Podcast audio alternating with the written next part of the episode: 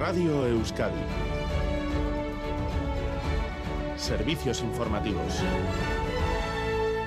Las noticias de las nueve, buenas noches. La actualidad política de la jornada viene marcada por la presentación de los miembros del nuevo gobierno de Pedro Sánchez, que en su anuncio ha destacado el perfil político de los 22 miembros, de los que nueve son nuevas incorporaciones. Con Ereas Arriegui recordamos los nombres. Continúan 13. Mantiene a sus dos vicepresidentas, Nadia Calviño y Teresa Rivera, y repiten en sus puestos Margarita Robles en defensa, José Manuel Álvarez en exteriores, Diana Morante en ciencia, Luis Planas en agricultura y Fernando Grande Marlasca en interior. Aguanta también, aunque en otro puesto, Isabel Rodríguez, que ya no será portavoz, ahora será ministra de Vivienda. Entran nueve nuevos ministros, entre ellos el expresidente canario Ángel Víctor Torres, que será el encargado de la política territorial y la memoria democrática, y otro exalcalde, en este caso de Barcelona, Jordi Hereu, que será ministro de Industria. Una sorpresa, la ministra de Igualdad, sustituyendo a Irene Montero, será Ana Redondo, concejala en el Ayuntamiento de Valladolid. En sumar, cinco ministerios. Trabajo para Yolanda Díaz,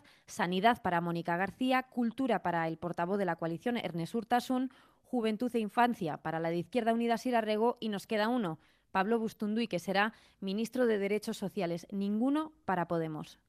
Mañana martes jurarán y tomarán posesión de los cargos los miembros del nuevo Ejecutivo. Unidas Podemos ha acusado a Yolanda Díaz de ser la colaboradora necesaria para echarles del Gobierno de España. En rueda de prensa, el portavoz Pablo Fernández ha tachado de grave error la decisión de Pedro Sánchez de sacarlos del Gobierno, pero por ahora no contemplan la opción de abandonar su mar para irse al grupo mixto. Para nosotros es lamentable que, por ejemplo, Marlasca repita como, como, ministro del Interior y también es destacable que la señora Robles vuelva a tener la cartera de defensa, lo que pone de manifiesto que gana el ala más conservadora del Gobierno.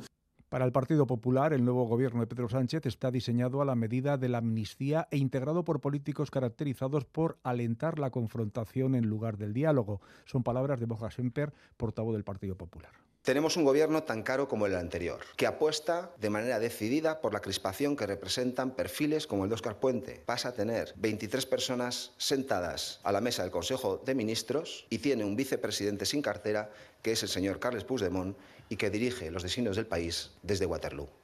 Por otra parte, y en declaraciones a Radio Euskadi, Arnaldo Otegui ha anunciado el rechazo de H. Bildu a la futura ley de educación si se mantiene la continuidad de los modelos A y B, tal y como han acordado PNV y Partido Socialista. Que el PNV en este momento se pliegue a esa condición, pues nos parece que obedece a dos cosas, o a que hay pronto elecciones o a que nos quieren fuera de ese acuerdo.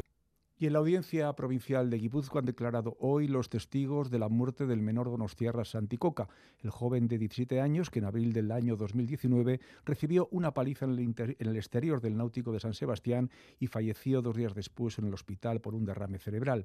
Entre los testigos, el hermano de la víctima, Iker Coca, que también fue agredido intentando defenderle. Yo me giré y vi como, como había mucha gente tirando patadas y puñetazos a mi hermano es que yo el recuerdo que tengo es, no sé, de 10 o 12 personas yendo hacia él y él echándose para atrás y lo siguiente que recuerdo es acercarme para intentar separar a alguno o lo que sea y notar un golpe y yo caer al suelo.